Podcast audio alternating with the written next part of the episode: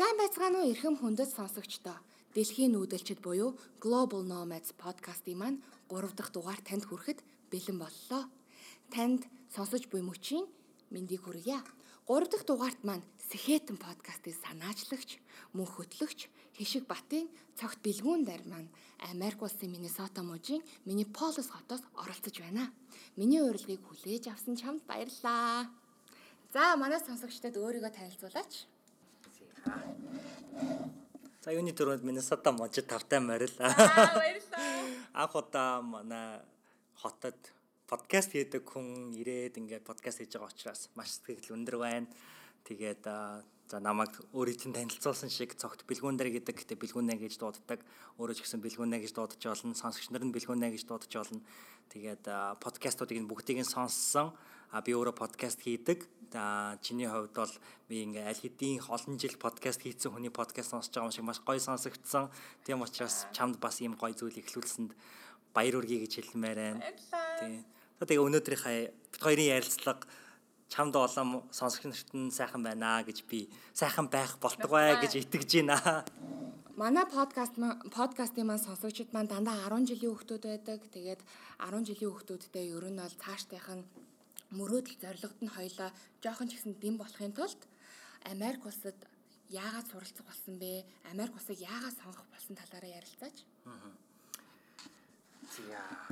За Америк чинь амар сонирхолтой гэд би одоо яг жишээ нь ингээд хүмүүсийн ингээд төлөвлөгөөнүүдийг ч юм уу амьдралын түүхийг харахаар чи ингээд анханасаа л бүр Америкт ирэх гээл ингээд зүтгээлтэй эсвэл ингээд одоо яг би тэр сургууль сурна гэсэн байдлаараа ингээд явсан учраас тэр сургуультай орсон ч юм уу тийм түүхүүд надад төлхөө олон байд юм шиг санагддаг. Дээрээс нь магадгүй яг тэгж чадсан хүмүүс нь илүү нөгөө хүмүүст уран зориг сэтэл өгдөг учраас тэр хүмүүсийн түүх нь түүх нь илүү ингээд төлхөө бас гараад ирээд цоолоод гаад ирд юм болоо гэж би боддог л доо. Тэгээ миний хувьд чинь анх Америкт ирэхээс өмнө бол Америкт очно гэдэг ийм мөрөөдөлтэй байсан. А тэр мөрөөдөл нь бол яг уу хам надад ингээ яагаад тэр мөрөөдөл бий болсон бэ гэхээр миний үеэл ихчнэр ингээд яг энэ Америкт сурдаг, амьдардаг тийм хүмүүсээс тэгэхээр яг тэр хүмүүсийн нөгөө нөлөөгөөр ингээд За Америк гэдэг орн чинь ер нь гоё те. Ингээл ихчнэр ингээл ирэхээр дандаа гоё ингээл хувцс мувц бэлэг ингээл явуулдаг. Тэгэхээр Америкээс ирж байгаа юмнууд ингээл амар цаанаасаа гоё байдаг те. Тэгэл ингээл ихчнэр ирэхээр ингээ үнэр мүндэр нь хүртэл амар ондоо олцсон ингээл нэг тийм Америк ямар гоё үнэртэй юм бэ гэж ингэж бодогддаг. Тэгэхээр ингээ Америк бол ингээл цаанаасаа бүх юм амар гоё санагддаг байсан.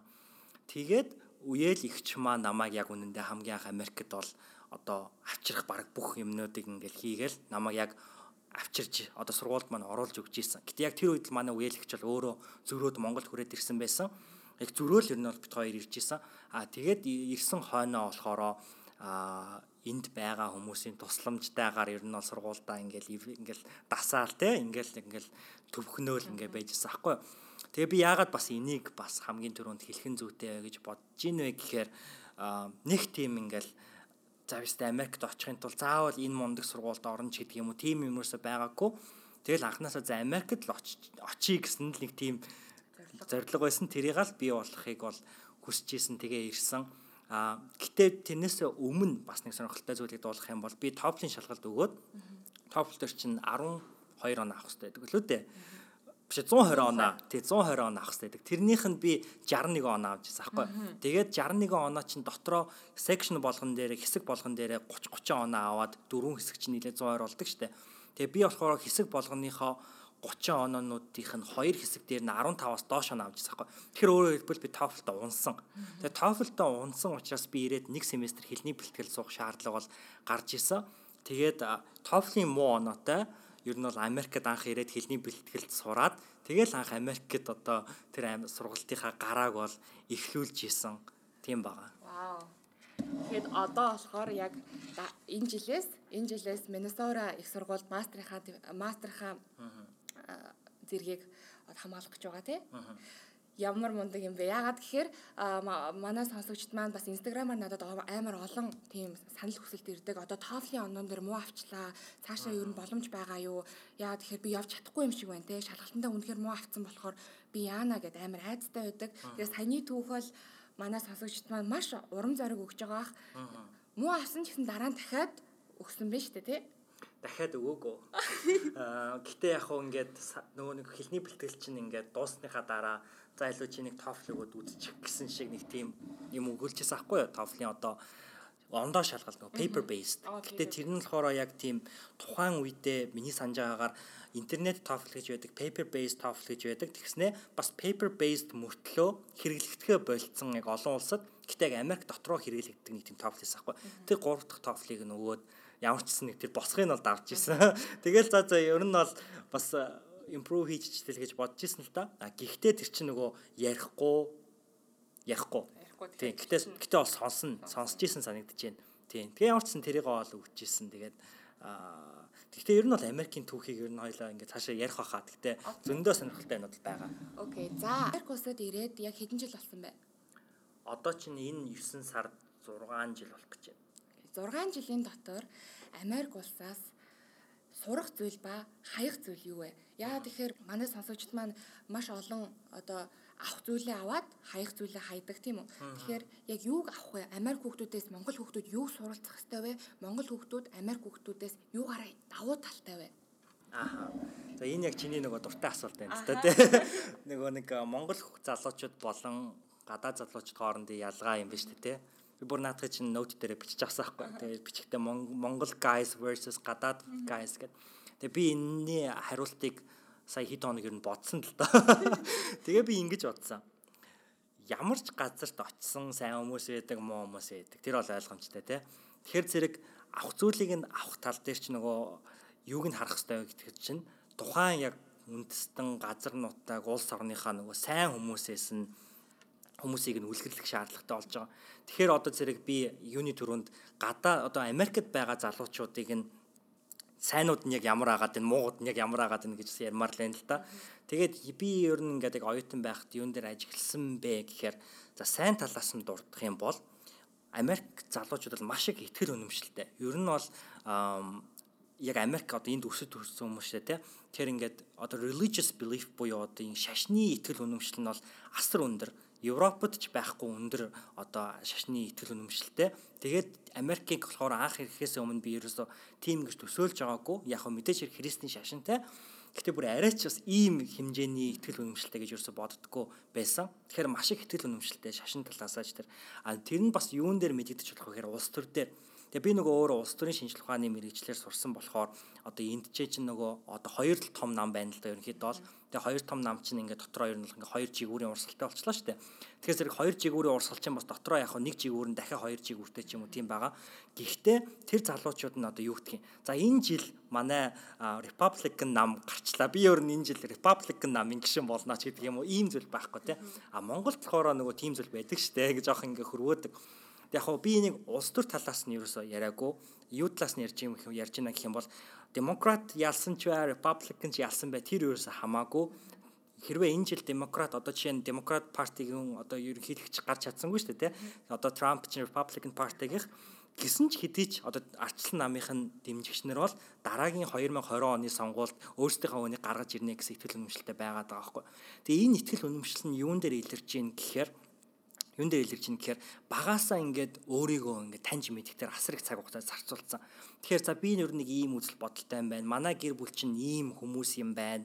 Тийм ээ миний эргэн тойронд амьдарч байгаа энэ хороолол чинь нэг ийм хүмүүсээр байдаг юм байна гэж ингэж таньсныхаа дараа өөрийнхөө нэг орчин тойрныг таньсны дараа ер нь яагаад манай энэ хот миний гэр бүлтэлтгүй манай хотод тэгвэл яагаад зарим хүмүүс амар ядуу амьдраад байгаа тий зарим хүмүүс яагаад амар баян байгаад байгаа гэж асуусчаад тэгснээ яг үнэндээ миний энэ ихтгэл үнэмшил чинь буруу байгаад исэн юм байна штэ Энд чинь ингээд зөндөө хүмүүс ингээд зовж гин зүдэрч гин тэгэхээр чин би энэ хүмүүс туслахын тулд ийм ихтгэл өмшөлтэй байх хэрэгтэй байна гэд дахиад нэг ондоо ихтгэл өмшөлтэй болчих жоохгүй.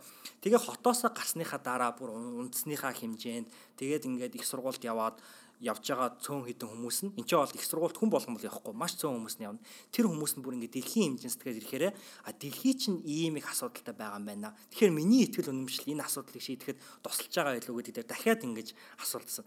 Тэгээ ингэснийхаа дараа оюутан байхдаа амар итгэл үнэмшлээ бүр ингээд бүрэн дүүрэн тогтоочоод үлдсэн тэр одоо 40 жил, 50 жил, 60 жил, 80 жил ч гэдэг хамаагүй яг тэр бүх хугацаанд тэр итгэл үнэмшлэрээ л амьдрдаг те өөрийнхөө олж авсан итгэл үнэмшлэрээ Тэгэхээр бол хизээж одоо хүчтэйгийн талд бол урууж шарахгүй өөрсдийнхөө л ихтгэл үнэмшилд итгэлтэй байдаг нь бол Америк залуучуудын одоо сайн залуучуудынх нь юу байгаа. За нөгөө муу залуучуудыг нь би ярмаар юм л да. Тэр нь юу гэхээр Америк бол зөвхөн өөрсдөө энэ дэлхий дээр оршин тогтнодог гэж итгэдэг одоо арт юм уу. Одоо ингээд сургуулийн ингээд кампус мампсаар ингээд явах юм бол ингээд заримдаа амар хөвгөлтэй газрын зураг гэдэг хэвхэв. Яасан гэсэн чинь ингээд дэлхийн одоо глоб биш үү ингээд бөмбөрцөг бөмбөрцөгтөр ингээд ганцхан ингээд Америк байдаг.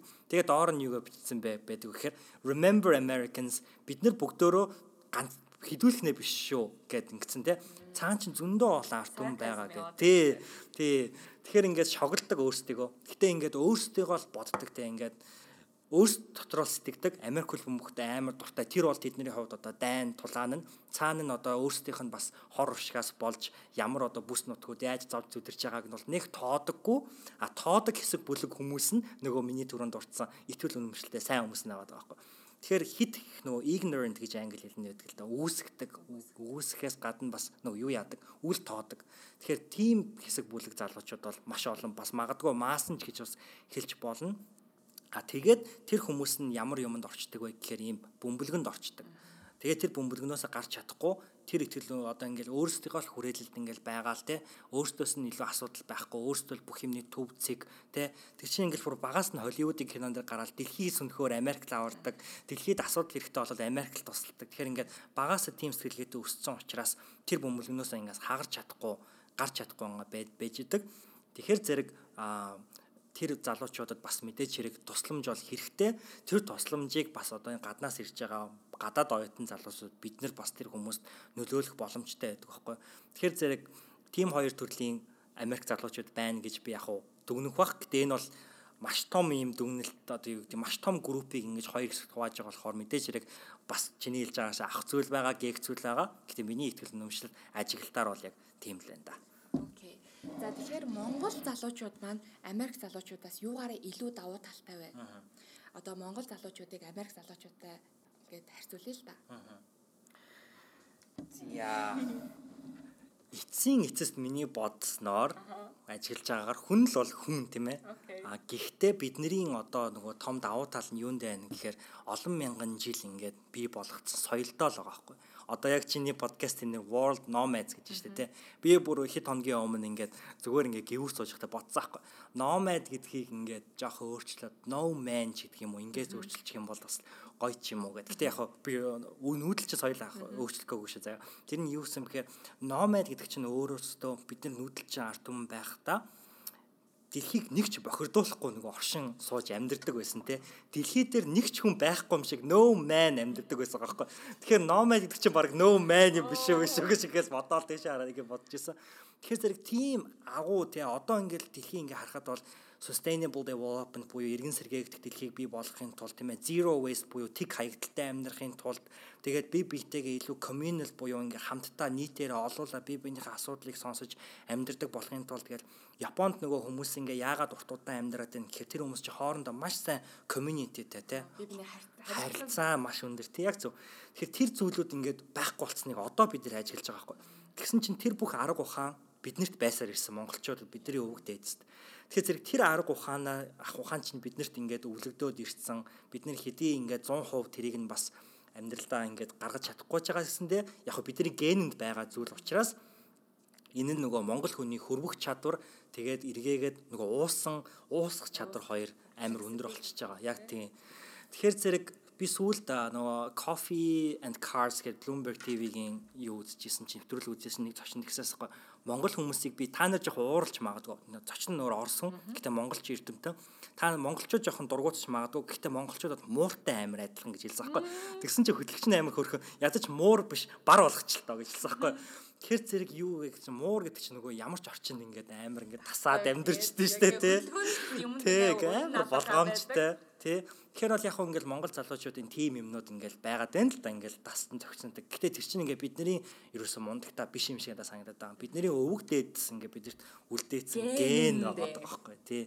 Тэгэхээр зэрэг тэр генийг бүр яаж баяжуулж өргөжүүлж болох уу гэхээр бид нар өөрсдийгөө бас судлах хэрэгтэй байгаа байхгүй. Өнөөдөр яг монгол хүн гэж юм бэ те. Тэгэхээр монгол хүнээ бид нар өнөөдөр таньдаг болчихлоо өөрсдийгөө таньдаг болоод нөгөө ген гэдэг өгөгдөл нь байна. Тэгэхээр бид нар өөрсдөө таньдаг болчихлоо тэр өгөгдлөө бид нар 2 3 4 5 дахин нэмээд магадгүй дахиад одоо дэлхийг ингээд өөрсдийнхөө оюун ухаанаар ч юм уу эзлэх биш зөвөр тэргүүлэх тийм ээ одоо өнөөдөр оюу хааны одоо спортод тэргүүлж байгаатай адилхан өөр салбаруудад тэргүүлэх маш их боломжууд байгаа гэж хардаг. Тэгэхээр Монгол залуучууд тэрэн дээрээ би жоохон хамтдаа ер нь давуу талтай тэрийг ер нь жоохон бодож явж явах хэрэгтэй болов уу гэж би боддог. Yes, yes. Би яг тэгэж бодож байна. Яагаад тэгэхээр дэлхийн нүүдэлчд буюу global nomad гэдэг одоо нэрийг яагаад өгсөн бэ гэхээр бид нар яг нүүдэлч арт түмэн түүхээсээ нүүдэлч арт түмэн тийм болохоор одоо хаа сайгүй Японд, Солонгост хаа газар монголчууд байгаа тэнд яг яаж тасан зохицож амьдарч гин яаж амжилт гаргаж гин гэдгийг одоо сонсогчтойгоо маш ихээр хуваалцахыг хүссэн. Би нэг асуулт асуусан. Яа тэгэхээр би өөрөө хятад сурдаг. 2 дугаар курс оюутан байгаа. Тэгээд Бостон хотод яг ирээд 21 хоноод сая Миннесотад өнөө өглөө ирсэн. Тэгээд өрнийн болон дорны сургалтын систем Азад сураагүй ч гэсэн Азад Азад сураагүй ч гэсэн чи өрний болон дорны сургалтын системний талаар өөрийнхөө бодлыг хэлээч. Зя. Одоо өрнийн гэдэг дээр би чамд асуулт тэгвэл асууя заяа. Одоо дорнын гэдэг чинь монголчууд тэгвэл дорндоо орж байгаа шүү дээ. Ууг нэг одоо геологийнхаа газар зүүн байшлаар. Гэтэ бид нар үнэхээр яг дорнын арга ухаанаар бас хүмүүжсэн үү гэх юм бол амар сонь нэг асуулт тахгүй ингээд хүмүүжсэн ч юм шиг хүмүүжээгүй ч юм шиг тэгэхээр нөгөө сургалтын систем талаас нь хоёул ярих юм бол амар социалист байсаар ирсэн одоо ч гэсэн тэр нөлөөнд байгаа шүү дээ тэгэхээр би яг тэр талаас нь зүгээр ингээд бодох юм бол одоо Америкт ирээд ингээд би уусаа Азид юу сурч үзээгүй Монголд ялангуяа бакалавра сурч үзээгүй учраас бол надад бараг тэр хэл хэрхэн ч байхгүй. Одоо Азууд ийм яа Америкууд ийм мундаг ч юм уу эсвэл эсэргээрээ хэлэх ч юм уу те. Гэхдээ зүгээр миний ажиглаж байгаагаар бид нэр ингээд боловсролын системдэр хамгийн том гаргаж байгаа алдаа нь юу гэхээр бид нэр хуучин цагийнхаа одоо энэ нийгмийнхаа бүтцийг ерөөсө хувьсал бол хувьсгал бол хийгээгүй. Арчлан хувьсгалыг манай аав нар, ах нар, эгч нар тийм ээ ээж нар ингээ хийсэн. А тэр хүмүүс бол одоо эдийн засгийн улс төрийн хувьсгалыг хийсэн. А гэхдээ яг хувь хүний хэмжээнд хувьсгал бол хийгдэж хийгдээгүй тэр нь яг одоо хувьсал бол ингээ явагдаж байна те одоо бидний үеийн залуучууд бол ингээд юмыг бол арай ондоогоор хардаг болж байна. Энд чинь ингээ бид нар бас нөгөө л дасан зохицох чадвартай учраас дэлхийн юу нь яаж ажиллаад байгаа гэдгийг ажиглаад бид нар ингээд арай жоохон хувьсгаж байна те. Тэгэхээр зэрэг яагаад би энийг хэлээд байна гэхээр хуучин цаг үед бид нар ингээд одоо хит дээд боловсролыг бол шүтдэг байсан. Яагаад тэгэхээр тухайн үед бол угаасаа коммунист социалист улс орн гэдэг бол өөрөө ямар нэг анги давхраггүй улс орн шүү дээ тий. Тэгэхээр одоо ажилчинч бай, малчинч бай, сэхэтэнч бай бүгдөө яг нэг анги давхраг гэсэн үг. Одоо classless society буюу анги давхраггүй нийгэм. А гэтэл бид нар өнөөдөр анги давхрагтай нийгэмд орсон чинь яасан гэсэн чинь анги давхраг гэдэг чинь одоо нөгөө нэг low class, middle class, upper class гэдэг байна шүү дээ тий. Тэгэхээр чинь бид нар анги давхраг дээр нэмээд бид нар За тэгвэл би өнөөдөр low class-аас буюу доод давхаргаас дундад давхраг руу орохын тулд боловс дээд боловсралтай болох хэрэгтэй мэн гэсэн ойлголтыг хуучин цагаасаа ингээд автсан хуучин тогтолцооноос тэгсэн чинь ингээ хүн болгон дээд боловсрал эзэмших гэдэг өнөөдөр хөдөө орнотод байгаа бүх малчтын а өөрсдийн одоо хувь хүний авж байгаа тэр малчны зээлний 67% нь бүгдөө өөрсдийнхөө үр хүүхдийг их дээд сургуульд явуулахын тулд үр авч тийм ээ өөрсдийнхөө малыг ингээд барьцаанд тавьж хүүхдүүдийг ихтэй сургуульд явуулж байна. Өнөөдөр бидний одоо бид нартэй жоохон жишээ олж ярих юм бол Ирланд улс 4.1 одоо нэг 5-аар 5 сая хүн амтай болох гэж байгаа. 9 нь билүү 7 л ихтэй сургуультай. Гэтэл Монгол бол одоо бүртгэгдсэн 160 одоо бараг 200 хүрж байгаа хэмжээний дээд боловсролын одоо институтууд байгаад байгаа байхгүй. Тэгсэн чинь тэр институтыг хамгийн гол нь хэн ажилуулж ийн гэхээр яг өнөөдөр бараг чи хоёртой адилхан ихтэй сургуулиуд дөнгөж төгсчөөд их сургуулийн багш болоод ирээд очиж байгаа байхгүй. Сурсан сургуультай тий. Тэгсэн чинь Америкт хэн багш байна гэх юм бол амар олон жил бүр ингээд зовж зовж зовж арайх гэж те зүгээр ч нэг профессор болохгүй нэг юмны эхлээд ассистент профессоршип профессор ч гэнэ ямар профессор ч гэнэ ингээд баахан даваанууд авдаг тий Тэгэхээр ингээд өөрөө чи хүмүүст заахын тулд өөрөө сурахын тулд өөрөө маш их зүйлийг эрдмийг одоо knowledge produce буюу мэдлэг боловсролыг үйлдвэрлэсэн байх хэрэгтэй болж байгаа юм. Тэгэхээр мэдлэг боловсролыг үйлдвэрлэсэн хүмүүс энд хичээлийг хүмүүс заадаг. Монголд болохоор үйлдвэрлэж амжаагүй байгаа болон үйлдвэрлэж амжаагүй байгаа хүмүүс нь олон учраас тэд нар ингээ хүмүүс заагаад байгаа учраас баг өнөөдөр цогтөлгөөн дээр анукад баг хичээл орж байгаатай л адилхан юм болоод байгаа байхгүй Монгол те. Тэгэхэр чин зэрэг бусдын л одоо энийг заа гэсэн ямиг би чамд баг зааж өгөөд шээ те. А тэр энд байгаа хүмүүс ч болохоор өөрсдийнхөө олж нээсэн юмнуудыг бусад хүмүүсийн олж нээсэн нээлтүүдтэй хольж зааж өгч байгаа. Тэгэхээр зэрэг төдий чиний сэтгэлгээ нь хөгжин урган те тэлэн тэгэхээр чин төдий чиний нөгөө дээд боловсролын систем нь улам чанартай болоод байгаа байхгүй. Тэгэхээр Монголд бол зүгээр тэрэн дээрээ би амар алдаад байгаа юм болов уу гэж бодож байгаа. А энд бол мэдээж хэрэг барууны боловсролын систем бол хэдэн зуун жил ингээ явцсан. А гэхдээ монголчууд болохоор би зүгээр эргээгээд бүр бүр хэдэн мянган жилийн өмнөх юм руугаа бас харах хэрэгтэй юм болов уу гэж би хальт ер нь сүүлийн үед ингээд бодоод байгаа юм л та. Яагаад вэ гэхээр тэр яагаад би хальт гэж бодоод юм гэхээр сүүлд манай 55 хамтын дугаар дээр орсон цочин маань хэлсэн байсан аахгүй хамгийн анхны дэлхийд дээрх кампус буюу одоо оюутны хотхныг монголчууд Илхаант улсын үед зохион байгуулж одоо бүтээж исэн байна гэдэг. Тэгэхээр тэр бол нөгөө одоо хувлын хааны үед нөгөө эрдэмтдийг бүгдийг нь одоо хятадд авчираад ингээд ном хуруулдагтай байсан ч адилхан бид нар маш их юм open сэтгэлгээтэй буюу нээлттэй сэтгэлгээтэй байсан. Тэгээ одоо болохоор бид нар ингээд манайх танайх гэдэг ийм нөгөө хуучин социалист системээс авцсан нэг ийм салангат сэтгэлгээтэй. Манай монголчууд л мундаг бусд нь бол одоо мяа тий. За яг хөө манай Орос ах нар мундаг, бусд нь бол ер нь димиг. А сүүлийн үед ажиглаж байгаа нь болохоор за ер нь Америк л мундаг юм байна. Бусдын нэг тоогоо яах вэ гэснээр бидний хажууд хятад улс те баг дундаж давхарган 300 сая штэ. Америкийн хүн ам 300 сая штэ те. Тэгэхээр чин зэрэг бидний хажууд баг хятад биш Америкт байж ах чинь бид нэр Америк руу ингээд өнгийгээд хараад байгаа хгүй. Тэгэхээр одоо чиний байгаа газраас бидэрт яг үнэндээ суралцах, дотор нь орж ойлгох бүр маш их зүйл байгаа. Тэгэхээр зэрэг ингээд маш ингээд гоё чөлөөтэй сэтгэлгээтэй болоод хятадуудаас юуг нь авах вэ те юуг нь гээх үү Америкуудаас юуг нь авах вэ юуг нь гээх үү гэсэн ийм чөлөө сэтгэлгээ биднэрт маш их дутагдж байгаа болоо гэж би бодож байгаа. Тэгэхээр барууны сэтгэлгээ бол яг чөлөө сэтгэлгээн дээр оршоод идэг. Тэр нь бол маш том давуу тал. Чадаа яг санал нийлж байна. Яа тэгэхээр би яг одоо 4 жилийн хятад улсад сураад өнгөрсөн байна. Одоо дахиад 2 жил дутуу байна. Тэгээд ер нь бол төгсөх маш төхөөдлөн нохон дуу артна гэдэг шиг харин тий Тэгээд би нэг юм ажигласан юм аа. Яг Америк улсад би өмнө нь яг 6 жилийн өмнө иржсэн 2 3 удаа. Тэгээд тэгтээ яг үндэ 16 17 та жоохон байсан. Тэгээд яг үндэ нэг юм ажигладгүй байж. Тэгээд яг одоо яг 6 жилийн дараа Америк улсад дахиж ирэхэд надад юу бодогдсон бэ гэхээр би бакалавра хятад хийсэн болжээ гэж амар бодогдсон. Ягаад гэхээр би 10 жилийнхаа 10 жилийнхаа сургалтыг бол Америк сургууль гээд одоо ASU гээд Улаанбаатар төгссөн. Тэгэхэд би тэндээс ер нь Америк ер нь Америк улсын одоо culture ямар байдгийг ер нь бол жоохон анхан мэдгэтгүн авцсан байсан. А дараа нь хятад улс бол маш их диктатуртай улс. Тийм болохоор би тэрнээс диктатурыг маш их сурж байгаа. Хүн болохоор яагаад ингэж багшигаа хүндлэх анги дээр хоол идэж болохгүй анги дээр малгаагүй одоо малгайтай сууж болохгүй анги дээр богц ажиллаж болохгүй тий. Эн чин наад захын диктатур байхгүй юу? Тэгэхэд би сая За энд бол хэвээр би харин би би би тэрийг мэддэг л байсан шүү дээ. Гэхдээ илүү их нөгөө нэг ялгааг нь хардсан байлээ. Тэгээ би сая яг мастрынхаа одоо яг 2 жилийн дараа төгсөөд би яг мастер сурахаар одоо өөртөө тийм төлөвлөгөө зорилго тавьсан. Тэрнийхээ төлөө одоо ирээд GRE гээд мастрынхаа одоо таталгаанд суусан. Тэгэхэд ер нь бол тэнд чипс идэж чинь кола ууж гин богц ажиллаж гин малгаатайгаа сууж гин тэгэхээр энийг би буруутгаагүй л дээ тэр хүн хичнээн тэгсэн ч гэсэн тэр мэдлэгээ авалж авч болно. Тэгтээ яг хятад соёл Аз соёл гэдэг бол арай тийм респект арай тийм хүндлэл арай тийм багш сурагч гэдгийг айгүй тийм ухаарсан юм шиг санагддаг байсан. Тийм болохоор энэний тал дээр чи яг юу гэж бодож байна? Чиний бодол?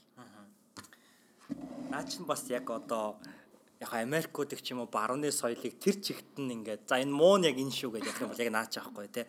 Анх ингээд Америкт ирэхээр амар ажиглагддаг штэ. Ингээд цүнх мөнх нь ингээд шалан дээр хахаар ингээд өвдөөлтэй тэгсэн одоо чи миний цүнх ингээд өөрөө шалан дээр ээжтэй. Тэр ингээд уусдаг аахгүй. А гэхдээ тэр нь амар сонин ингээд ерөөс ингээд эхэндээ бол ерөөсөө нийцж өгдөггүй Тэгээ одоо ингээл хуучин ингээл Монголд ингээд одоо ширээнүүдийн хажууд ингээд цүнх хүлэгдэг юмтай. Энд бол тийм байхгүй учраас яалч газар дээр тавихаас өөр аргагүй ч юм уу те. За өөр нэг жишээ гэх юм бол анх ингээ кино театрт ингээл ороод үзчихсэн чи хажууд нэг хүл гараад ирж байна. Толгоон дээр те. Тэгээд ингээ яг хуу одоо соёлтой хүн бол яг хуу тэхгүй л байсан баг л та. Гэхдээ тэр бол нэг Америкуудын хувьд нэг том асуудал биш. Бидний чинь хувьд болохоор баг юм одоо сүнслэг төвшинч баг яагаад байгаа. Тэгээ муус хөлөө миний тэргүүний хажууд авчираа тавьчлаа гэд ингээд дотор ингээд бачимдаад штэ тий. Тэгэхээр тэр нь ингээ юунд ажиглагдаад байна гэхээр одоо дорны соёлд хүмүүс өөрсдийгөө нэг юм сувраг гэж баг үздэг тий. Бид нар бол ингээд одоо энэ бие махбод бол бидний юм сувраг юм аа, темпл юм аа, тий. Юм сүм юм аа гэж үздэг. А тэрнтэй адилхан бид нар нөгөө зарим орчнуудыг яг сувраг мэт ингээ хүндэлдэг. Жишээ нь сургуульч гэдэг юм уу, сүмч гэдэг юм уу тийм газрууд. Тэгэхээр бид нар ингээ альва газар хосоо гутлаа тайлдаг ч юм уу. Тэг чи нөгөө өөрөө маш ариун дагшин газар гэхэд сувраг гэдэг үднээс нь үзээд сувраг гэдэг нөгөө маш одоо тийм дагшин газрыг хэлээд байна шүү дээ тий. Тэрнтэй адилхан бид нар ингээ эд зүйлийг тэгж гайхалтай үнэлдэгтэй адилхан бид нар өөрсдийнхөө бие махбодыг бас яг тэгж үнэлдэг юм байна л да миний бодлоор одоо манай Азууд А энд болохоор хүмүүс нь бол өөрсдийнхөө бие махбодыг а энэ бол өөрт нь л заяагдсан өөрийнх нь л өмч чи хэрэглээл дуусна гэсэн нэг тийм ерөнхийдөө бол одоо ойлголттой. Тийм учраас бол тэр бие одоо яаж ашиглах нь бол мэдээж хэрэг чиний дур. А гэхдээ нөгөө христийн одоо шашинтай хүмүүс гэдэг юм уу тэр хүмүүс нь бол мэдээж хэрэг одоо тийм хэмжээний одоо соёл ясвартхан бол байгаа. А гэхдээ өөрсдийнхөө сүмийг ч юм уу те өөрсдийнхөө бие махбодоос баг илүү хүндэлдэг баг илүү хайрладаг. Тэгэхээр энэ ч юу байгаад байна гэхээр миний бодлоор энэ одоо эд зүйлний нөлөө бол амар өндөр. Эд зүйлийг бол илүү ер нь материалист одоо зүйлүүдийг тийм ээ илүү өндөрт бол одоо авч үздэг. А өөрсдийнхөө бие махбодыг болон бусдын бие махбодыг бол мэдээж хэрэг хүний бие махбод гэдэг эрүүл мэндийн зүйл талаас нь харахаас илүүтэйгээр тэр нөгөө сүнслэг хэмжээнд нэх боддоггүй Одоо энэ бол одоо юу гэдгийг хиймэртэй хүнтэй. Одоо хиймэр сүнсэлтийг нь бас нэг ингээд үдчихгүй юм шиг гэж юусо бодохгүй шүү дээ. Бид нар болох тэгж бодоод идэв юм шиг байна. Тэгэхээр тэн дээр яалахад идэв болол гэж би юу боддог. Тэгэл энэ бол амар тийм чөлөөтэй л бод сэтгэлгээ маань л да. Тийм учраас бол эцсийн гол үнэн бол биш баг. Аха. Аа цагт бэлгүүн дээр маань бэлгүүнээ маань бэлгүүнээ маань Миннесота мужийн Миннеаполис хотод сурдаг байгаа. Тэгээд би Бостон яг 20 хоногтой Бостон бүр үнэхээр academic vibe надад өгч байсан. Яа тэгэхээр Harvard, Cambridge бүгд яг нэг газараа төвлөрсөн. Тэгээд айгүй тийм э, оюутан залуу хот юм шиг санагдсан. Тэгээд яг Minneapolis хотноо яг өглөө буухад маш нам гүн тийм нэг гэсэн мэдрэмж өгчээсэн. Тийм болохоор одоо Minneapolis хотноо очиж сурмаар байгаа залуучууд маань байгаа штэ. Тэгэхээр яагаад Minneapolis хотыг сонгох ёстой юм? Чи яагаад сонгосон юм? Тэгэхээр энэ Миннеаполис хотод сурахад яг юун давуу талтай юм? Энэ талаар яриач. За. Би одоо энэ хоёулаа хийж байгаа подкастыг яг бэлгшээж бодсон л доо. Бэлгшээж гэдэг нь болохоор би ингэж бодсон аахгүй. Түрүүн ярьсанчлан би 2013 онд анх 9 сард одоо Америкт ирсэн. Тэгээ 2013 оноос ахуулаад 2016 оны зуны улирал хүртэл ерөнхийдөө бол хуучин сургуультай буюу эндээс нэг цаг 30 минутын цаг 10 минутын зайтай хотод бол амьдарч исэн. За энэ болохоор ингээ 3 жил өнгөрөөж байгаа. Тэгээ 2016 оноос ийшээ одоо Миннесотагийн их сургууль буюу University of Minnesota шилжиж ирсэн. Тэгээд 2016 оны оноос ахуулаад 2019 он хүртэл ерөнхийдөө бол сургуулаа 2 жилдээ төгсөөд 1 жилд нөгөө сургуулаа төгссөний дараа ажилдаг те. Тэгэхээр чин чиний төрлийн ер нь дадлагын ажиллагаа байхгүй чиний стил одоо чиний боловсралтай холбоотой. Тэгэхээр ингээд дахиад нэг 3 жил өнгөрчихөж байгаа. 3 3 жил. Тэгэхээр одоо би 2000 одоо энэ 19 оны 9 сараас ахуулаад дахиад нэг мөчлөг эхэлж гин гэж би нэг бодсаахгүй яг өчигдөр бодсон юм. Тэгээд яг тэр мөчлөг дээрээ хоёлаа өнөөдөр баг анх ингээ подкаст хийж байгаа учраас надад амар гой санагдсан.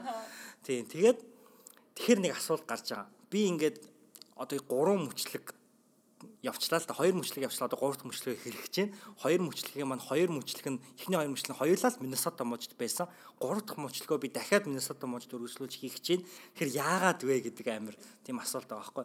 Тэгэхээр тэр асуултан дээр би бас хариулвал сонсогч нар нь тийм ээ. За Миннесота муж гэдэг чинь ийм муж болохоор бэлгүүний энд байгаад идэм байх гэж бодох юм болоо гэж би бодож байна л та. Тэгэхээр хамгийн анх би Миннесота мужийг сонгож ирсэн шалтгаан бол мэдээж хэрэг түрүүн хэлсэнчлэн манай нөгөө ихчээсэн тийм За тэгээд хэлний бэлтгэл ирж байгаа нэг семестр сурахаар за хэлний бэлтгэл нь болохоор ер нь бол бүх зүйлэд нэмэх юм бол сургалтын төлбөр нэг 50000 доллар. За 5 5 дугаар левелийг төгсөх юм бол за хэлний бэлтгэлийнхаа магистрийн програмд орно. 4 дугаар левелийг төгсөх юм бол бакалаврын програмд орно. За би анх ирээд шалгалт өгсөн. Тэгээ 3 дугаар левелдээ орчиж байгаа. Тэгэхээр нэг левел нэг семестр шээ заа. Тэгэр чин зэрэг би 2 семестр буюу 100000 доллараар сурж иж англи хэл эзэмших гэдэг байгаа байхгүй. Тэгэхээр эхний зөвлөгөө хэл эх орондоо сурах бол хамгийн хямдхан. Тэгэхээр хэлийг бол эх орондоо айл болох чадах ятгаар бол сурах хэрэгтэй. За Гэхдээ би ямар ч хүрээд ирж байгаа. За ирж байгаа юм чинь за 50000 доллар 100000 доллар биш юм аа гэх ядаж 50000 доллар сурахыг илүүд үзэн штэ. Тэгэхээр нь би эхний 7 хоногт баг дүнгээ сонсчоо шууд хэлний бүлэгтийнхаа захирал дээр очиж уулзаад 18 настай хөхтэй би англи хэл амар сайн. Энэ шалгалтын дээрээ сандраад ингээд муу өгчлөө. Одоо 3 дахь төгснөөсөө 4 дахь төгсөнд ороод нэг семестр сурмаар байна. Тэглээч би Монголоос ирсэн. Монгол бол ядуу тухайн үед эдийн засгийн хямралтай ч гэсэн одоо шиг хямралтай байгаль хямралтай гэж байдаг. Тэгэл хямралтай ороо. Би нэг барахгүй гэдэг ингэсэн аахгүй. Тэгсэн чи за тэгвэл биднэрт 7 хоног өгчхөө. Чи өөрийгөө нэг харуул те гэсэн аахгүй. Тэгээ би 7 хоног ингээл өстой багштай яриад ингээл хичээлд амар мэрийгээл хамаг байдгаараа хамаг байдгаараа хичээсэн. Тэгээд нэгд өдөр нэрсэн чинь манай багш хөөе бийл бийл гэдэг нөө Америк наа бийл гэдэг. Бийл чи энэ ангид одоо суухгүй чи левел агцсан гэл тэгэл би окей гэл тэгэл явцсан аахгүй. Тэгээд дөрөвдүгээр төвшөндө орчиж байгаа. За нэг семестр сурлаа. За тэгээд нэг семестр сурчаад ихтэй сургууль руугаа орох эрх чинь нээгддэг. За миний анхны сурж исэн St Cloud State University гэдэг сургуулийн том давуу тал нь юу байсан бэ гэхээр гадаад оюутнуудад 50% тэтгэлэг өгдөг. Тэгэхээр бол миний одоо тухайн үеийн сургуулийн төлбөр нэг 3000 доллар л байсан хамгийн үнэтэй. Тэгэхээр зэрэг маш гайг болчихж байгааз тухайн үед чинь бас долларын ханьч бага байсан. За дээрэс нэмээ нөгөө 3000 доллараар нэг дор төлөөд сурах албагүй байсан. А тэр нь яах вэ гэхээр нөгөө семестрийнхаа туршид ингээ баг багаар мөнгөө өгөөд ингээ сурчдаг байсан хгүй. За тэгээд одоо 6000 доллар ч юм уу 4000 8000 долларын одоо төлбөрийг 3000 ч юм уу 4000 доллар болтол нь бууруулахын тулд хоёр зүйл хийх хэрэгтэй болчихж байгаа. Нэг талаараа сайн дүнтэй ах, хоёр талаараа өөрийнхөө одоо соёл Монгол орн гэдгийг бусдад таниулах гэх. Тэгэхээр дүн бол яг уу ингээд эхний семестр бол би амар моос урж исэн заяа. Тэгээ арих гэж чүт чат гэдэг шиг дүнгийнх нь босгоод авч исэн. Тэгэл аа ялч юу эхний семестр юм чи амар хэцүү байсан. Тэгээд хоёрдоос эхлэх гайгүй болчихж байгаа. Тэгээд нөгөө Монголоо таниулах бол амар өөрөө дуртай учраас гоё байсан. Тэгэхээр энэ бол миний Миннесотад бас ирсэн зүв болжтэй гэсэн нэг шалтгаан байсан. Тэгэхээр бол дараагийн одоо хоёр дахь зөвлөгөө залуучууд маань Монгол байгаа дээрээсээ бас бүжигч юм уу, морин хоорч ядг юм уу те ямар нэгэн юмаа бас гайгүй олгоод ирэх хэрэгтэй. Тэгсэн тохиолдолд энэ нэрэд од болно шүү дээ. Морин уур гэдэг чинь анх удаа тэр гадаадад үзэж байгаа хөгжмийн зэмсэг те. Эсвэл одоо Монгол бүжиг гэдэг чинь өстой баг хаанч гарч байгаагүй бүжиг штэ те. Эсвэл Монгол гоё уртын дуу ч юм уу те. Юу чадан тэрийга ингээ тий хөөми ч юм уу одоо хүүмүү гэж амар амар хамтлагаар гараад ир чинь ингээл Монгол соёл чинь ингээ дэлхийд амар сонирхолтой болоод эхэлж байгаа энэ үед хэрвээ өөрөө ямар нэгэн тийм урлагийн авьяас тайхан бол амар том даваа тал. Тэгэхээр урлагийн авьяасаа хөгжил а урлагийн авьяасаа авьяасгүй над чиг хүмүүсийн хувьд бол жоохон ингээ Монголынхаа тухай мэддэг болох хэрэгтэй. Тэгэл би анх ирснээ ирснээсээ хойш баг 2 жил мэл баяр тасралтгүй ингээл Монголын бүх түүхүүдийг ингээл уншдаг те өөр ингээл амар сонирхолтой. Тэр чинь нөгөө хүн нөгөө гадаад ирчээд нөгөө Монголоо их орноо сандаг штэ. Тэгэхээр яг тэр сансан сэтгэл дээр дөрөөлөөл ингээл жоохон Монголоо ингээл шүтээлтэй монголчууд маань ямар гоё юм бэ гэл тэгэл тэрийг яриад штэ. Монголчууд чинь дэлхийн анхны паспортыг хийсэн, анхны шуудан хийсэн те хятадуу чинь цагаан ярмыг биднээс болж барьсан ингээл юу тийм үү гэл юу ч мэддэггүй байхгүй. Тэр мэддэггүй юмнууд ингээл мэдүүлэхээр амар гоё. Тэгээ хоёрдугаар зөвлөгөө бол тэрийг мэддэг байх хэрэгтэй. Тэгээд Миннесота бол тэр нь амар таалагц. Яг Миннесота nice гэдэг тийм хоч байдаг. Тэрний юу гэх юм бол хүмүүс нь амар nice. Тий. Тэгээ чиний бас нөгөө амар чимээгүй байна гэдэг чинь тэрэндээ байгаа байхгүй. Хүмүүс нь угаасаа жоохон чимээгүй. Дээрээс нь ингээд амар чийлтэй ингээд амраал байж байдаг. Тий. За хоёр одоо 3 дахь одоо хоёр дахь мөчлөг маань эхэлж байна л да. Сургуулаа би төгс одоо нөгөө St Cloud State University 2 жил сураад тэгээд за одоо ерөнхийдөө бол нэг шат ахих хэрэг нэг тийм шаардлага бол хүнд гарч ирж байгаа. Тэгээ өөрөө жоохон нөгөө амбицтай төрлийн хүн учраас их том ихтэй сургууль сургууль өсөл байсан. Тэгэхээр зэрэг би анхнаасаа бол Харвард ч очин ч гэдэг юм уу тийм бодол юу надад байгаагүй Ivy League мэг ч юм уу. Тэгэхээр өөрөөтөө ойрхон байгаа боломжуудыг харж эхэлсэн. Тэгээ хамгийн ойрхон байгаа боломж бол University of Minnesota буюу Minnesota-гийн их сургууль байсан байхгүй. Энд чинь Америкт кампусаараа дөрөвдөг том одоо баг хот дотор хот штэ. Ер нь бол чи одоо өнөөдөр ингэж явах явах юм бол баг сур манай сургуулийг л тойроо яваад байна. Minneapolis хот бол өөрөө баг манай сургуулихгүй энэ хот чи өөрөө тэр чигтэй. Тэгээд амар том сургууль. А дээрэс нэр хүнд нь бол дэлхийд одоо топ 50 мавьта топ топ 100 муудаа бол орчдөг. За дээрэс нь нэмээ 5 салбар сургуультай. Одоо Миннесота мууж даяараа. Тэгэхээр энэ тийм очивол манай Миннесотагийн их сургууль байж идэг. Инчээд бүр ингээд нэр хүндэд маш өндөр учраас DU гэж нэрлэдэг. Зүгээр л чи хаан суртын DU те зүгээр л их сургууль сурдаг. Тэгэхээр аа чи Миннесотагийн их сургууль сурт юм байна гэсэн тийм их одоо нэр хүндтэй. Тэгэхээр зэрэг би энийг бас яагаад хүмүүст хэлж байна гэхээр заавал анханасаа амар өндөр босго тавиад би Харвардад л очиж сурна гэсэн өндөр босго тавь тавьчих юм бол магадгүй тэр мөрөөдөлтөй хүн хизээч хүрч чадахгүй. А гэтэл оронд нь за би Америкт л ямар ч зүйл эхлээд очичих гэх юм бол эхлээд ирээ нөө коллежд явдаг ч юм уу те community college юм уу technical college юм уу сураад тэгээ дараа нь ингээд боломжуудаа хараад том сургууль сураад тэгснэ магистра ч юм уу Харвард хийх юм бол тэр бол амар боломж аахгүй те ингээд ирсэн хойно бол ингээд ямар олон боломж байна гэдээ бодогдсон штэ.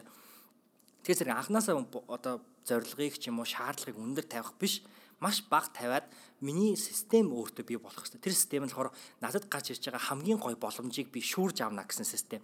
Тэгэхээр би нэг програм суулгачлаа шүү дээ. Тэгэхээр тэр програм надад байсан аахгүй. Хааруудад очно гэсэн зорилго биш. Хамгийн боломжтой боломжийг шүүрж аваад өөрийнхөө хэмжээнд хамгийн шан сайнаар л байгаад. За тэгээ Миннесотагийн их сургууль руу би хандж байгаа. Тэгсэн чинь Миннесотагийн их сургууль дээрээс нь TOEFL-ийн оноо шилжиж сурж байгаа хүмүүст бол шаардлагагүй гэдэг жаахгүй. Тэгэхээр чи би угаасаа муу TOEFL-тэй юм чинь цаашаа олчж байгаа шаардлагагүй. За дээрээс нь нэмээд SAT шалгалт гэж одоо Америкт өгдөг. Тэр нь болохоор одоо монголоор баг яштэй сонсогч нарт хэлэх юм бол тэгэхээр яш бас шаардахгүй байгаа байхгүй энэ сургууль нь. Ягаад тэгэхээр угаасаа 2 жил Америкт сурцсан учраас боловсролын системийг нь ойлгодог, хичээл ойлгодог гэсэн. За ингээл болчихж байгаа. Тэгэл захиа бол бичгээ бол бичнэ. Recommendation letter бол багшаас авчна. За тэр бол маш зөв нөө харилцаа холбоо амар сайн үүсгэх хэрэгтэй хүмүүстэй. Нэг багшийг юу нанлал за энэ багштай л ер нь сайхан найзууд болноо гэж бодчих хэрэгтэй. Тэрнээс бол ингээл багш болгонтой ингээл маяглаад авах шаардлага ерөөсөй байхгүй. Би бол угаасаа өөрөө нэг жоохон дотгошоогоо юм шиг хүн болохоор ил хүн болгонтой очиад ингээл найзлах тийм ирчвч угаасаа байдаггүй учраас нэг багшийг л ингээл баг сонгоод тэр багштайгаа амар сайн харилцаатай болчдөг. Тэгээ харилцаагаа бол мэдээж хэрэг сайн байх хэрэгтэй.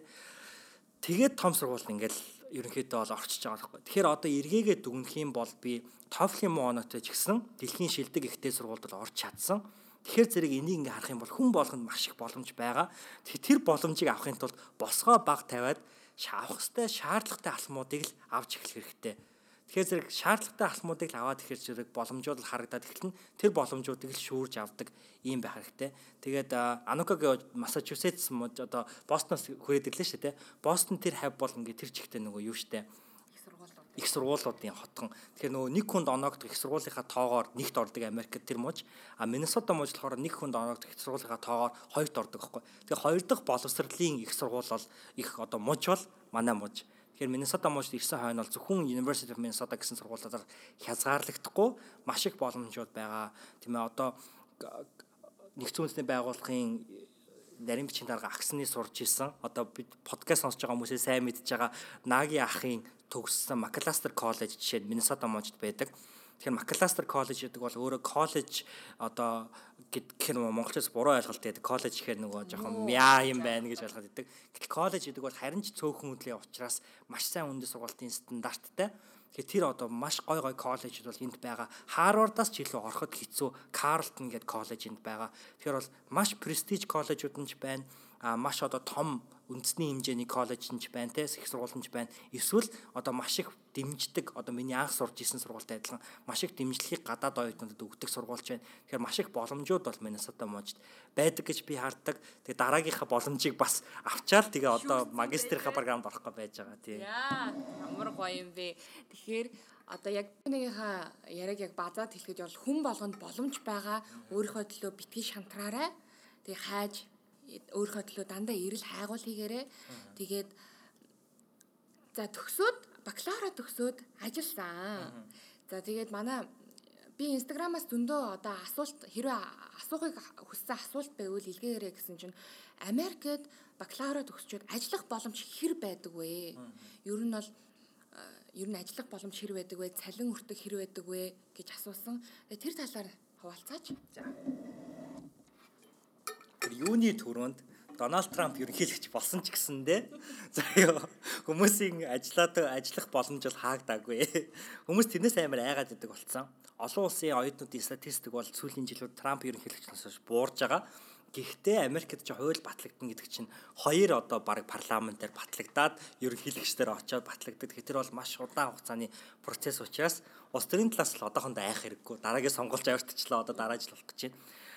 А тийг би яага хэлж байна гэх юм бол одооноос бэлдээд ирж байгаа хүмүүст бол боломж байгаа. А гэхдээ магадгүй 4 жилийн дараа ч юм уу 5 жилийн дараа юм оронгоороо ирсэн байж бол магадгүй. Тийм учраас боломжтой байгаа дээрээс нь Америк ирмээр байвал ирээрээ. Одоогоос боломжгүй болчих магадгүй ч юм уу те. За гэхдээ би энийг бас яагаад хэлж байна гэхээр системийн хувьд бол гадаад оюутанд сураа төгсөөд ажиллах боломж нь одоогийн бодлоор бол байна. Тэр систем нь бол өмнө нь хизээж байгаагүй хэмжээнд бол сайн байгаа. Цаашдаа ч хэдэн жилдээ бол байх бах.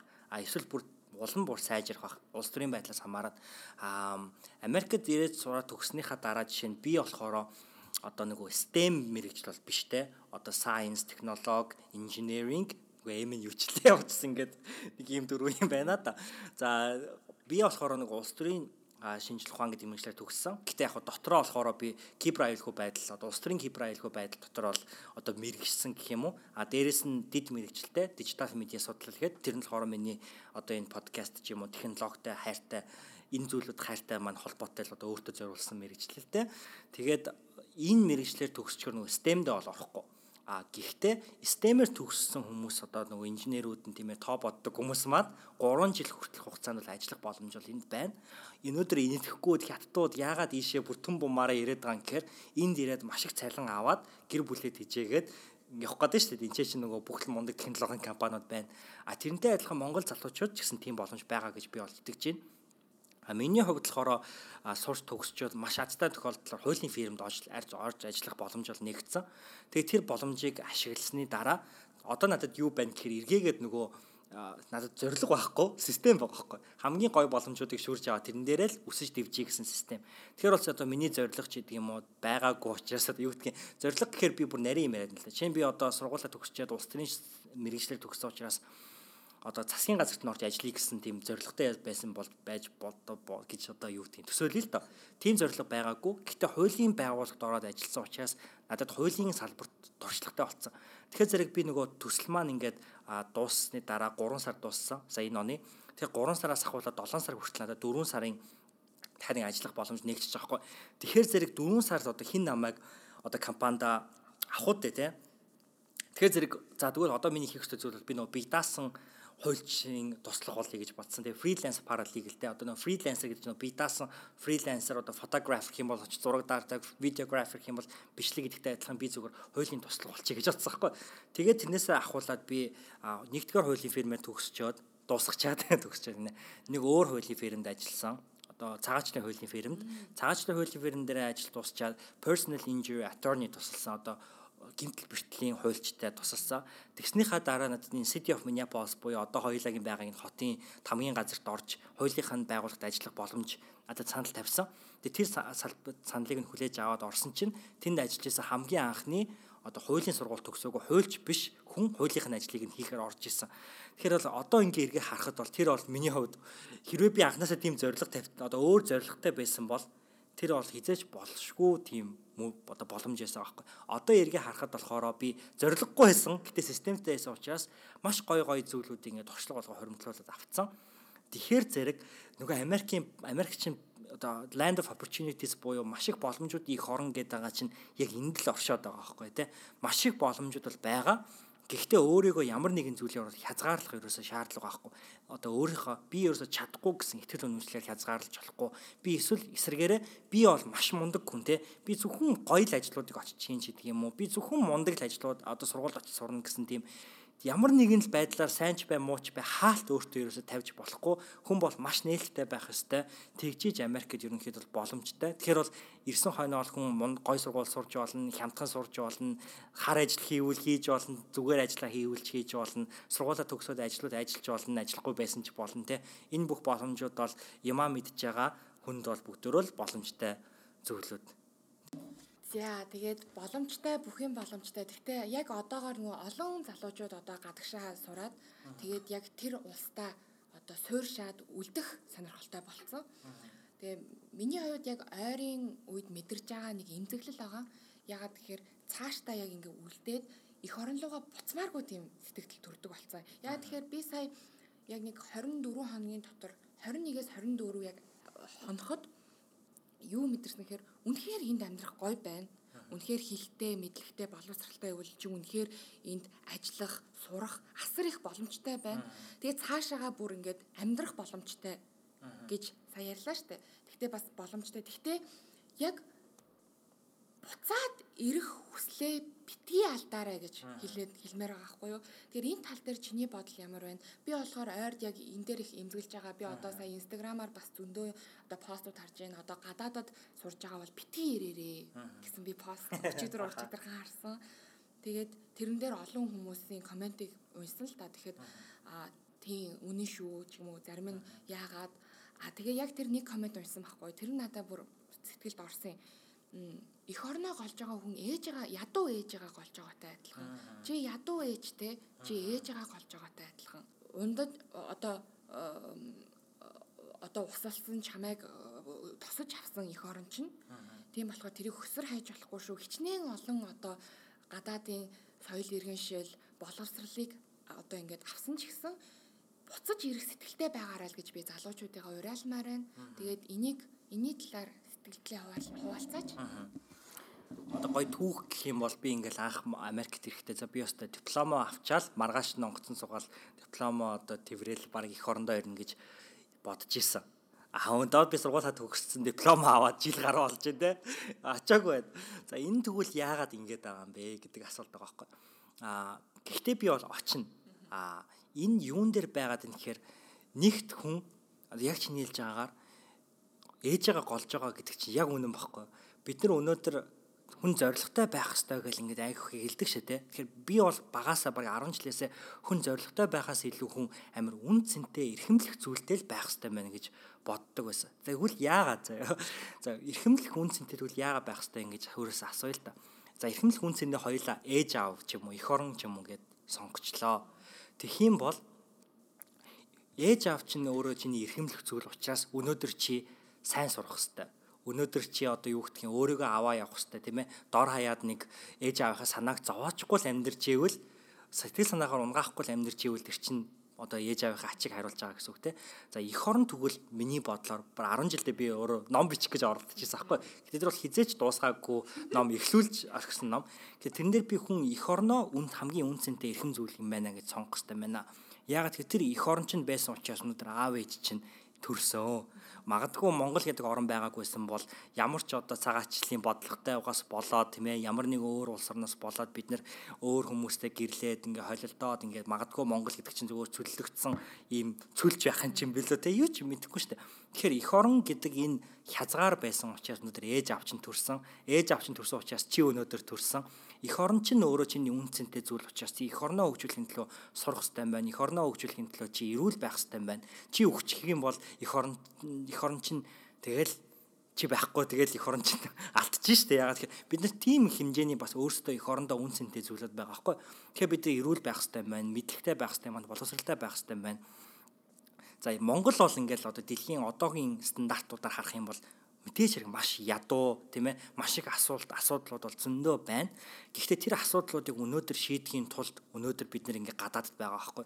Тэгэхээр энийг бид нэр ухамсарлаад тийм дархлаатай бид нэр ирэх хэрэгтэй Америкт ч юм уу хятадд ч юм уу те эсвэл гадаад руу гарах та. Тэгэхээр дархлааг өнөөдөр бид нэр хин суулгах хэрэгтэй юм гэхээр миний бодлоор мэдээж хэрэг боловсролын системийн үүрэг өндөр байх хэрэгтэй. За ээж аавын үүрэг өндөр байх хэрэгтэй эмээ өвнөр бол ажилласаа хийдэг. Тэгэхээр эмээ өвнөр үргэлжлэлд ажилласаа хийх хэрэгтэй. А дээрэс нь өнөөдөр бид нар бас хүүхэд байхаас ахуулаад оюутан одоо ахлах сургууль байхаас ахуулаад ер нь Монголоо маш сайн таньдаг байх хэрэгтэй. Өнөөдөр бид нэр ямар их цусан дээр ямар их хүлсэн дээр тийм ээ Монгол орон оршин тогтнож байгаа вэ гэдгийг бид нэр ахлах сургуультай мэддэг болох хэрэгтэй байхгүй. Тэгжээж өнөөдөр бид нэр ирчээд Америк гоё юм байна А эднэр ч гэсэн зовж исэн юм байна. Энэ бол гэхдээ тэдний зовлон юм байна. Монгол сайхан юм байна. Гэхдээ тэр монголчууд бас зовж исэн. Тэр зовлон нь миний зовлон штэ гэж ингэж мэдчих хэвээр. Тэгэхээр өөрсдийнхөө зовлон өнөөдөр бид нэр өөрсдөө үүрж явах хэвээр үүрэг нь бидэрт байгаа тий. Тэгээ би яагаад тэгвэл яагаад өнөөдөр цогт бэлгүүн дээр тэр зовлонг нь мэдж байгаа мөртлөө Монголд очихгүй байгаа юм бэ гэхээр өнөөдөр бид нэр Америк гадаадаас Монгол руу ирэхдээ нэг богцтой ирдэг, цүнхтэй ирдэг тий. Тэр цүнхэндээ бид нэр энэ газраас авах зүйлийг нь аваад дүүргээд Монголдоо хаваач тэрийг нь одоо цүнхэн дотор богцон дотор чи мод байвал модыг нь тариад ном байвал номыг нь хевлээ те компьютер байвал компьютерийг нь одоо үйлдвэрлээд ингээд өгөх хэрэгтэй байгаа байхгүй. Тэгэхээр зэрэг бид нэр Америкт байгаа дээрээсээ ч юм уу гадаад байгаа дээрээсээ богцоод үргээд өөрийгөө бэлэн болгоод нэг бол их орондоо очих. Аль эсвэл байгаа газараас маш их үнцнийг бид нэр эргүүлж бид нэр өгөх ёстой. Тэгээ энэ Америкт одоо ингээд филантропи гэж ядгтай ингээд хүмүүс нь эргэж маш их хүмүүс нийгэмдээ өгдөг.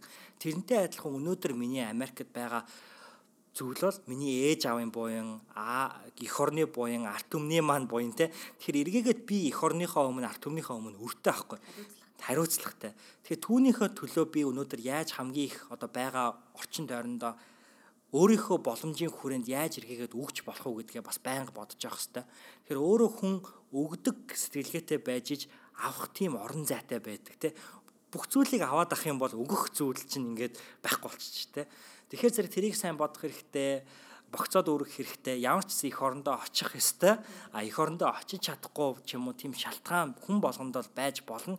Тийм учраас тийм шалтгаантай тохиолдолд бол өөрийнхөө хэмжээнд эргээгээд өгөх ёстой.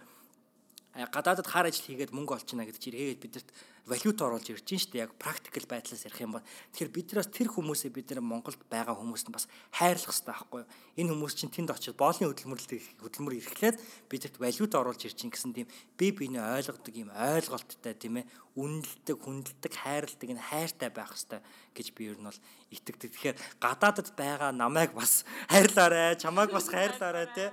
Би биенийгээ хайрлаарай. Тийм сайн нэг бодлоо. Ямар гоё юм бэ? Надад бүр энэ подкаст үнэхээр таалагдж байна бүр ингээд сонсоо сонсоод би өөрөө яг чиний ингээд сонсогчийг бүр ингээд хөтлөгч гэдгээ мартцсан ингээд сонсож байна. Баярлалаа. За. За Америк улсын тухай асуултууд маань ингэж өндөрлөөд за сүүлийн нэг асуулт асууя. Тэгээ цаашаага нэг чөлөө зэдээр нэг 10 минут ярилцж байгаа. Тэгээ подкастаа өндөрлөе гэж бодож байна. Тэгээд англи хэл, англи хэл одоо дэлхийн глобалчлагдсан 5 хэлний хамгийн ихэнд англи хэл дараа нь хятад хэл орж байгаа тийм. Тэгэхээр англи хэлийг яаж сурах вэ гэдэг асуулт бүр асар олон орж ирдэг. Тэгээд энэ талаар яриач англи хэлийг яаж чи хялбархан сурсан бэ? Амархан сурсан бэ? Эсвэл хэцүү байсан уу? Тэгээд ямар амархан арга байна те? Эсвэл одоо хэцүү аргач байсан хамаагүй айгу нин нууггүй ярилцъя. Англи хэлний тухай. За. За би энэ асуултыг чамаг намаас асууна гэж мэдчихсэн аа гэдэг. Чи угаасаа асууд юм бэ лээ. Тэгээ би бэлдсэн. За ийм л юм байлээ. Сонсож сурмаар байвал сонс, уншиж сурмаар байвал унш те. Ингээл яг сонсох, унших, ярих, бичих энэ дөрөв бол яг дөрвөлэн л хийх хэрэгтэй. За тэгэхээр би энэ дээр илүү практикал зөвлөгөөнүүд өгвөл зохистой байна гэж бодсон.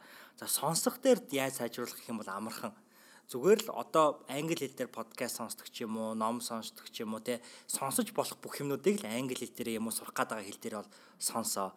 За ярих дээр тэгвэл одоо англи хэлний клубт очдог ч юм уу, очиндоо байгаа боломжоор л очиж ярилц. За энэ хоёр чинь өөрөө нэг тийм тухтай бүсээсээ гараа гэсэн үг байгаа байхгүй. Тэгэхээр ярих гэдэг чинь өөрөө зөвхөн очиод хүнтэй ярихаас гадна нөгөө сэтгэл зүйн хувьд амар их юм болоод байна шүү дээ. Намайг тэр хүн шоолол яана. Тэг намайг одоо муулвал яана ч гэдэг юм уу. Тэг яг үнэндээ бодоод үзэх юм бол тэр ярианы клуб хүрээд ирсэн хүн чинь яг тантай адилхан санаа зовж байгаа тийм insecurities буюу өөр өөртөө үл итгэх тийм байдалтай ирж байгаа байхгүй. Тэгэхээр түүнийг хүлээн зөвшөөрөөд хүн жимд ороод тийм ээ ингээд бүдүүн хүн жимд ороод нөгөө сэтгэлээр ингээд амар санаа зовоод идэг гинэлтэй. Гэтэл тэр бүдүүн хүн рүү нэг ч өөр хүн хардаггүй. Ягаад тэгэхээр хүн болгон биний гүзээ том байна, биний би хитрхи туранхаа байна, би юм байна гэх өөр дээрээ л төвлөрж байгаа. Тэр хизээч тэр бүдүүн хүнийг ч юм уу, тэр туранхаа хүнийг ч юм уу эсвэл хараад ингээд тэр хүн дээр анхаарлаа төвлөрүүлдэгтэй адилхан ярианы клуб ч юм уу тийм орчнууд бол яг тийм фитнестэй адилхан орчнууд байгаа байхгүй. Тэгээ тэр орчинд орчноос битгий аа те.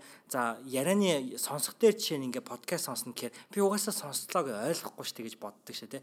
Гэтэл би ч гэсэн яг тэгэж боддог байсан. Би бол зүгээр азар Америкт хүрээд ирж байгаа учраас угаасаа амьдрахын төлөө сонсохгүй яах, амьдрахын төлөө ярихгүй яах юм те. Тэгэхээр ингээ өөрөө нэг орчиндоо хүссэн хүсээгүй тухтай бүсээсээ гарч байгаа байхгүй. Тэгэхээр илүү мундаг байхын тулд боломж нь байгаа бол тийм ээ боломж нь байгаа бол өөрөө тэр тухтай бүсээс гарах хэрэгтэй сонсох ярихын хувьд За бичгийн хувьд одоо би илүү тийм зөвлөгөөнд за уншихын хувьд бол бас унших хэрэгтэй те сонсохтой адилхан унших хэрэгтэй. Тэгэхээр яг амархан зүйлүүд бол унших хэрэгтэй. За одоо амархан номнуудаас ахуулаад хэцүү рүү ингээ уншина. Гэтэ уншихтаа хизээч ерөөсө зогсохгүй унших хэрэгтэй.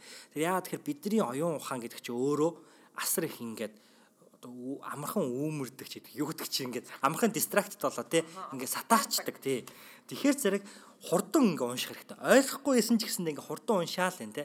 Тэгэхээр зэрэг оюун ухаан ч яг тэрэн дээр ажил ажиллаад штэ. Одоо хурдны зам дээр одоо нэг 50 км цагтаа одоо машин барих юм бол хүн ингээл өөрийн бодоол, кофегоо уугаал ингээл явж а 100 км 150 км цагийн уртаа явах юм бол те хүн чинь яг тэр зам дээрээ төвлөрөөл хажуу талын машин хэн байна, юу байна гэл ингээ бодогтой адилхан номыг уншихтаа ч гэсэндээ бас асар хурдан ингээ унших хэрэгтэй. За мэдхгүй үг бол зөндөө гарна. Одоо ч гэсэн би англи хэлтэй ч гэсэндээ мэдхгүй үг бол зөндөө гардаг. Гэтэ би өөрөөсөө тэрэн дээр зогсоод энэ үг юу гэж байгаа юм болоо гэж боддгоо.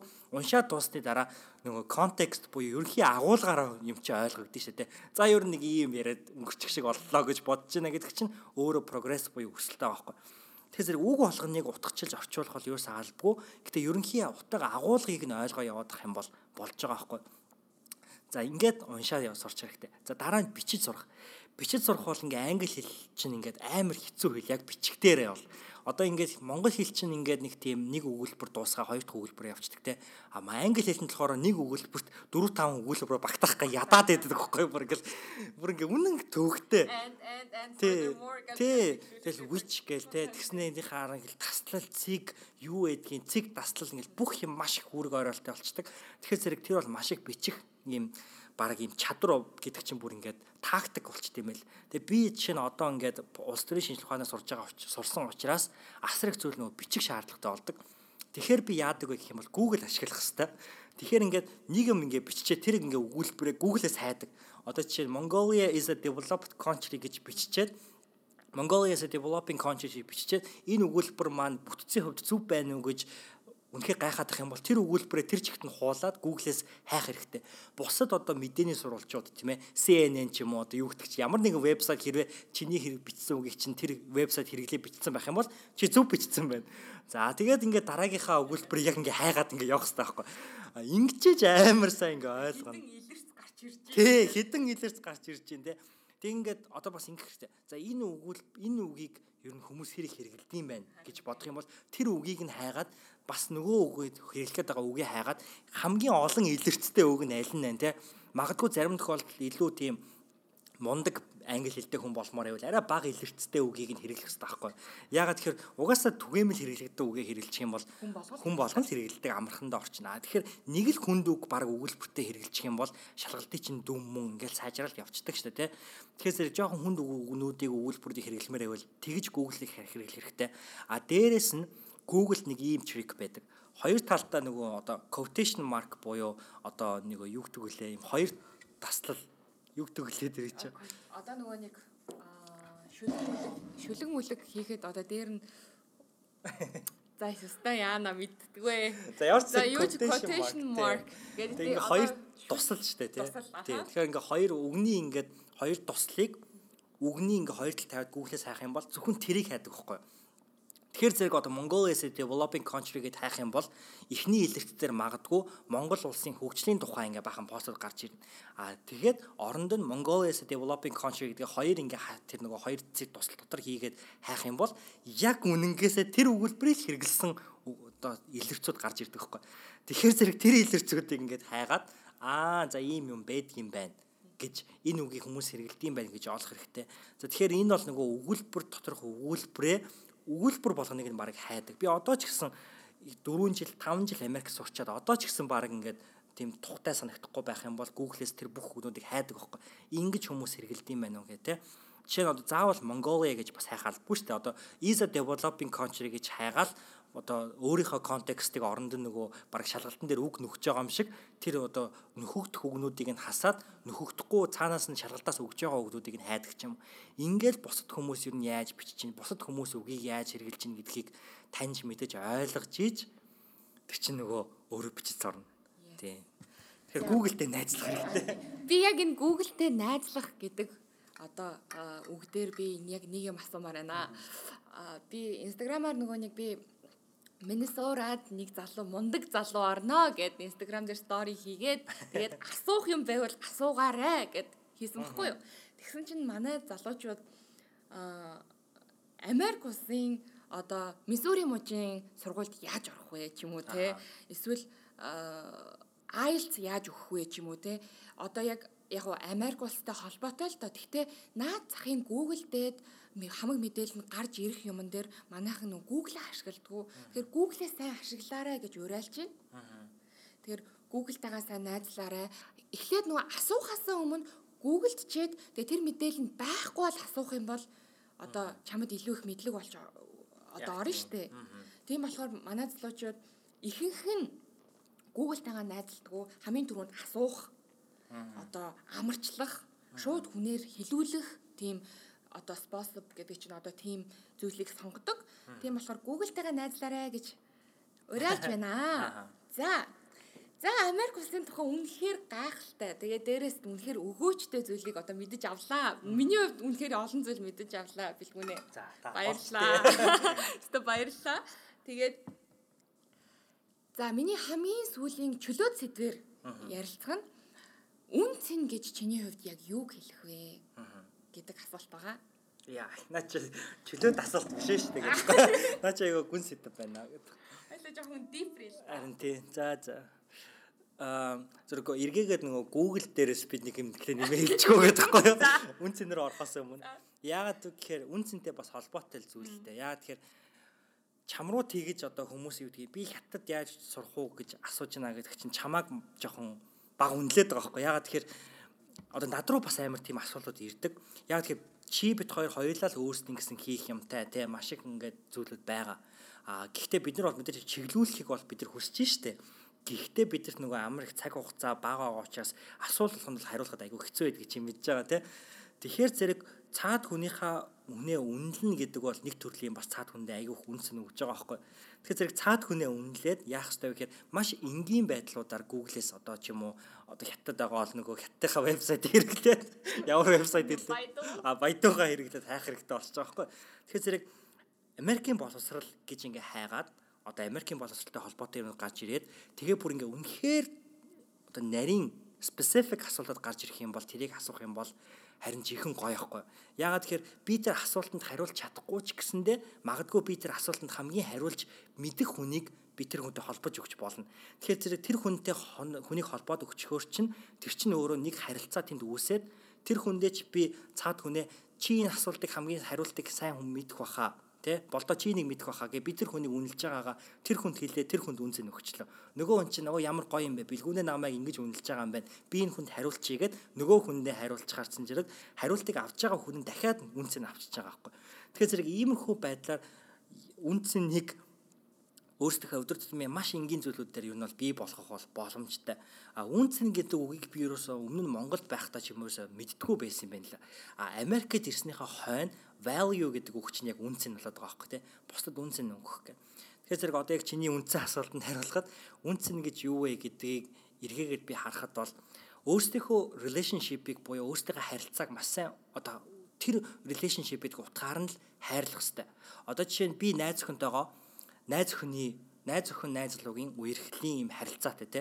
Гэтэл зэрэг би найз өхөнтэйгоо яг цагийг гой өнгөрөхөөс гадна чи миний гольфын хамтрагч болооч гэд найз өхөнтэйгоо гольф тоглооч гэж гуугаад байхад манай найз өхөн би гольф тогломооргүй байна гэж хэл хэлж яхад би үгүй ээ надтай тоглол би одоо гольф тогломоор байна гэдэг ах юм бол чи тэр хүний хүсэхгүй байгаа зүйлийг хийлгээд тэр relationship тэр харилцааг бүр ингээд өөр зүйл болгоод байгаа байхгүй А тэрнтэй адилхан одоо жишээ нь Анука одоо чи хоёр ингээд mutual friendтэй те дундын найзтай. Тэгэхээр бол чи миний хувьд бол одоо дундын найзтай учраас одоо миний танил одоо нэг юм танил маань болцсон байна те. Тэгэхээр зэрэг би чи хоёрын одоо харилцааг танил гэдэг хэмжээнд үнэлж одоо хайрлаад байгаа байхгүй.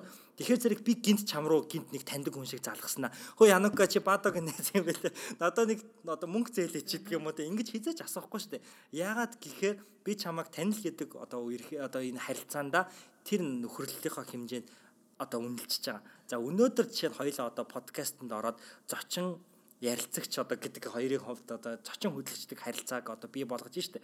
Тэгэхээр зэрэг би энэ үе одоо харилцааг үнэлэхгүй шал ингээл өөр юм яриад задгаараал те. Би хичээд байна. Жоохон ярмааргүй байна гэл ингээл маяглахгүй. Би чамааг навдаа цаг хугацаа гаргаад бүр Миннесотад ирээд надад цаг хугацаа гаргаж яхад нь би тэр цаг хугацааг тэр үерхлийг үнэлэхгүй өөр юм хийгээл назгаараал задгаараадах юм бол би тэр одоо харилцаанаас хамгийн их үнцэн гаргаж авах боломжтой юм дээр нь ажиллахгүй мөртлөө шал хэрэггүй юм ийгээд байгаа байхгүй. Тэгэхээр би хүмүүсээс юу хүсэж байна гэхээр аав ээжигээ аав ээж гэдгийг утгаар нь хайрлаа тийм ээ мөнгө өгдөг энэ надад надад ингээд намайг титгэдэг хүмүүс гэж хайрлах биш. Тий. Аав ээж гэж үнэлэх хэвээр. А кофе хаяа уудаг найзыгаа ая миний кофений найз л гэж хайрлах хэвээр. Хамтдаа фитнес хийдэг, жим хийдэг найзыгаа ая миний фитнесийн найз гэж л хайрлах хэвээр тий. Тий. Тэгэхээр ингээд хизээч битгий тэр нэг юм бордрыг тэр босхийг дав. Тий. Гэхдээ тэр цаад хүн чинь магадгүй одоо юу гэдгийг харилцаагаа өргөжүүлмээр дэлгэрүүлмээр байвал болно. Тэгэхээр тэр хүнээ үнэлэх хэрэгтэй байхгүй. За тэгэхээр би биенийхээ би биенээ хүндлээд за Анукатай өнөөдөр би ярилцах юм бол маш гоё подкаст хийндэ гэдээ надад ийм бодол байсан учраас хоёул подкаст хийж байгаа. А энэ подкастыг одоо чиний 100 100 мянга мянга сонсогч нар сонсоод тэр хүмүүс нэг зүйл авч ивэл эн чинь үнцэн байгаа байхгүй. Тэгэхээр хоёулаа өнөөдөр өөрсдийнхөө харилцааг үнэлж чадсан учраас чи бит хоёрын үнэлэгдсэн тэр үн цэнээс босод хүмүүс үн цэн авч ийн те. Тэгэхээр зэрэг хүн ингээ подкастаа сонсож байхдаа за би подкаст сонсож гин гэж бодоод подкастаа сонсож байгаа учраас тэр чинь бас нэг харилцаа болоод байна шүү дээ. Тэр хүн тэрнээс авах зүйлээ аваад гих зүйлийг гэж нэ гэдэг чинь бас нэг ингээд үнцэн аваад байгаа байхгүй. Тэр том үнцэн болж байгаа. За үнцэн түгээгч гэж би чамайг бол хэлмээр байгаа. Яагаад гэхээр би яг подкаст эхлэхээс өмнө Сэхэтэн подкастыг маш удаан сонссон. Тэгээд олон олон подкастуудыг сонсож аа ийм байх хэрэгтэй юм байна миний дууны өнгө болох нь уу яах нь уу гэж би айгүй судалгаа хийсэн л дээ. Тэгээд энэ үн цэнтэй холбоод өөрийнхөө подкастын сэхэтэн подкастын үн цэнийг яаж тодорхойлох вэ? За гоё асуулт. Гэтэ чи намайг надад ингэж хэлсэн чинь маш гоё сонсогдож байна. Тийм учраас маш их баярлалаа. Тэгээд хоолойны өнгө гэж дурдсан болохоор бас хөтлөгчийн хувьд бол чи үнэхээр гоё хоолойтой байна. Би нөгөө дижитал медиа судлаас сурсан учраас подкастн дээр радион дээр ямар хоолоогоор хүн ярих ёстой вэ гэдгийг ер нь бол бас судалсан. Хоёр төрлийн хоолой байдаг. Spellcaster боёо болон аа юу одоо юм уянгалуулагч хоёр хүн гэж байдаг. За spellcaster гэдэг нь болохоор одоо Adolf Hitler бол хамгийн том жишээ байхгүй орилж ярьдаг. Аа гэлтэй. Тэр одоо хүн бол телевизээр ч юм уу public speaking-ээр бол маш сайн амжилттай явдаг. Мэдээ уншдаг ч юм уу. Тий. Харин чиний хоол болохоор крүүнер буюу уянгалуулагч хоолоогоор ярьж байна л да. Подкаст гэдэг чинь ингээд чихэн дээр нь ингээд балбаадах юм бол амар хэцүү шттэ. Тийм учраас би ч гэсэн айгу одоо жоохон хоолойныхоо өнгийг нэг монотонтой ч юм уу байх юм бол хичээдэг, оролддог. Тэгэхээр зэрэг тэгэхээр зэрэг одоо ингээд өөрийнхөө чадах хинэгээр чинээгээр өөрийнхөө хийх юмыг бол би хийж байгаа. Тэгэхээр чи ч гэсэн хийж ин тийм учраас тэрэнд чинь би чанд бас баяр үргэе гэж бас хэлмээр байна сонсогч нарын чинь өмнөөс бас баярлаа гэж хэлмээр байна. А дээрэс нь манай Сэхэтэн гэр бүл гэж хэлдэг подкастынхаа одоо сонсогч нарыг би яагаад үг гэхээр би подкастаараа бол мэдээж хэрэг надад олон хүн сонсох. Одоо манай подкаст 1.5 1.5 сая таталттай болох гэж байгаа. Тэгэхээр бол энэ бол надад гоё. А гэхдээ тий амар их урам. Мэдээж хэрэг тоо статистик гэдэг бол маш чухал. А гэхдээ тэрэн дээрээ л хүн төвлөрөөд авах юм бол хизээч чиг жинхнээс үнцэнтэй зүйл бол бүтээж чадахгүй. Харин над руу ингээ хүн ингээ инстаграмаар ч юм ингээ бичгээр подкаст сонсч сэтгэл бичгээр би амар баярлдаг байхгүй. Тий. Тэгээд би тэр харилцаа холбоог үнэхээр өргөжүүлэхийг бол хичээдэг. А ингээд надад ингээ асуудлаа хэлэх юм бол би тэр асуудлыг сонсдог. Тэр асуудалд нь үнэхээр чадах чинээгээр хариулдаг. Чадад чадахгүй бол би чадах хүнд нь холбож өгдөг. Чадах зүйл рүү нь чиглүүлж өгдөг. За тэгэхээр нөгөө эргээгээд би нөгөө сонсогч хөтлөгч хоёрын харилцааг тэнцээ ингээд бий болгочлоо. За энэ харилцаан дээр үндэслээд тэр хүн чинь ингээд цаашдаа зөвхөн подкаст сонсоод биш подкаст сонсоогүй үедээ амьдралаа өргөжүүлээд твшүүлээд цаашаа нэмэх зүйлүүдэд аваа явж гинэ гэдэг чинь подкастнаас гадуурх тэр амьдралд нь бас би нөлөөлж чадчихна тий. Тэгэхээр энд л одоо миний хамгийн гол хүсэл эрмэлзэл. Тэгээд манай 50 бас 58 маань бас байна те. Дээрээс нь бит хоёр чи хоёулаа подкаст хийж байгаа учраас сайн хамтрагч байхыг бол хүсдэг би 58-атайгаа. Тэгэхээр бол сайн хамтрагч байж тийм ээ хин хин нь өөрсдийнхөө дутууг нөхөж чадчихна гэдэг чинь бас манай подкастын үнцэн тэнд оршиж байгаа. Тэгэхээр зэрэг подкастын ард бол зөвхөн бит хоёр бол байгаа биш. Хамгийн гол нь нөгөө сонсож байгаа хүмүүстэй байгаа. А сонсож байгаа хүмүүс маань подкастаа сонсоод амьдралдаа өөрчлөлт хийж чадчихвэл тэр бол бүр хамгийн гол зүйл. Тэндээс жинхэнэ нөгөө үнсэн чинь би болж чинь те. Тэгэхээр зэрэг магадгүй манай подкастыг хизээч сонсоогүй байж байгаа анх удаа сонсоод амьдралдаа нэг л өөрчлөлтийг хийчлээ. Одоо манай зочны ачаар. Тэхийн бол тэр зочныг би өнөөдөр урьж оролцуулсан жихэн нөгөө нэг одоо гол шалтгаан биелж байгаа байхгүй тийм. Тэгэхээр тэр хүнд бол дотор нь хүмүүст өгцөл байсан юм байна. Би зүгээр л гүүрэн дэвсгэр нь болж өгч байгаа байхгүй тийм. Холбоос нь болж өгч байгаа байхгүй. Тэгэхээр холбоос ингэж ихсэн амар баяртай байгаа шүү дээ. Тэгэл болоо. Тэгэл өөр зүйл бол хүсэхгүй а би эргээгээ тэр хүмүүсээс нэг зүйл хүсдэг. Яг нь стори дээрээ шеэр хийгээрэй ч гэдэг юм уу те. Цаашаа илүү хүмүүс түгээгээрэй гэж нэг зүйл бол хүсдэг. Гэтэ би өөр зүйл бол ерөөсө нараасаа хүсэхгүй. Надад одоо мөнгө өгөөч ч гэдэг юм уу те. Манай подкаст ампрах гэдэг наа ч гэдэг юм уу. Өөр зүйл бол хүсэхгүй. Би яг тэр одоо хотод хамт олон сэхэтэн гэр бүлээ тэр гэр бүл гэдэг утгаас нь хардаг учраас би бидэд туслаа дэм дэмдээ дээс ирчэндээ гихчээл явахыг бол тэмүүлдэг 58 2 энэ дээрээ л манай сэхэтэн подкастын сэхэтэн гэр бүл маань оршиж байгаа цаашдаа ч гэсэн оршсоор байх болно гэж би юу итгэж байна. Тэгээд зөвхөн подкастаар хязгаарлагдахгүй байх болтугай л гэж юм бол би хүсэж байгаа. Ерөөл бат оршгэ. Угаасаа биелэх бах. Угаасаа бүх юмыг чадна хийн, бүтээн тэгээд хизээ шантрахгүй байхад бүх юм болно. Би бол тэрэнд итгэдэг. Ягаад тэгэхээр яг миний хувь хүний одоо бодол санаа болохоор ямар нэг юм шантрах юм гарсан ч гэсэн хонхлын үзүүрт гэрэл байдаг гэдэгт би дандаа итгэдэг байхгүй юу? Ямар нэгэн сэтгэлээр унсан ч гэсэн ямар нэгэн зүйл гэрэлтэж байх болно. Ирээдүйн их гоё байх болно. Тийм болохоор бүгдээрээ дэлхийн хүн болохын төлөө урагшаа гэж хэлмээр байна. За тэгээд үнэхээр их баярлаа.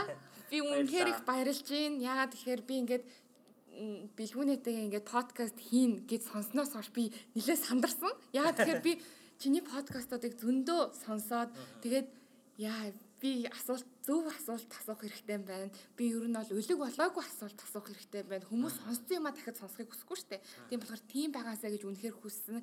Тийм байх болтугай. Миний подкаст. Тийм болохоор Global Nomads-ийн 3 дахь дугаард орсонд үнэхээр их талархлаа. Цаашдынх нь ажил, хөдөлмөр, сургалт бүгдэнд нь амжилт хүсье. За.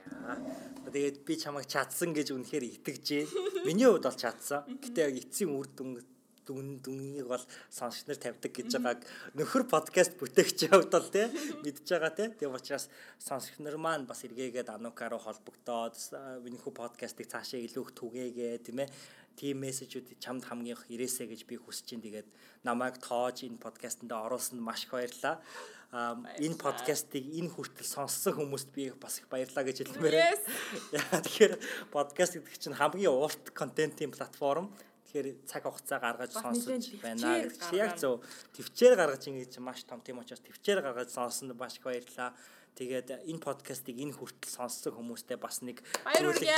Баяр хүргэхээс гадна нэг зүйлийг дурдмаар байна. Тэрний юу гэхээр Анука манай подкаст орно те. Оо тийм.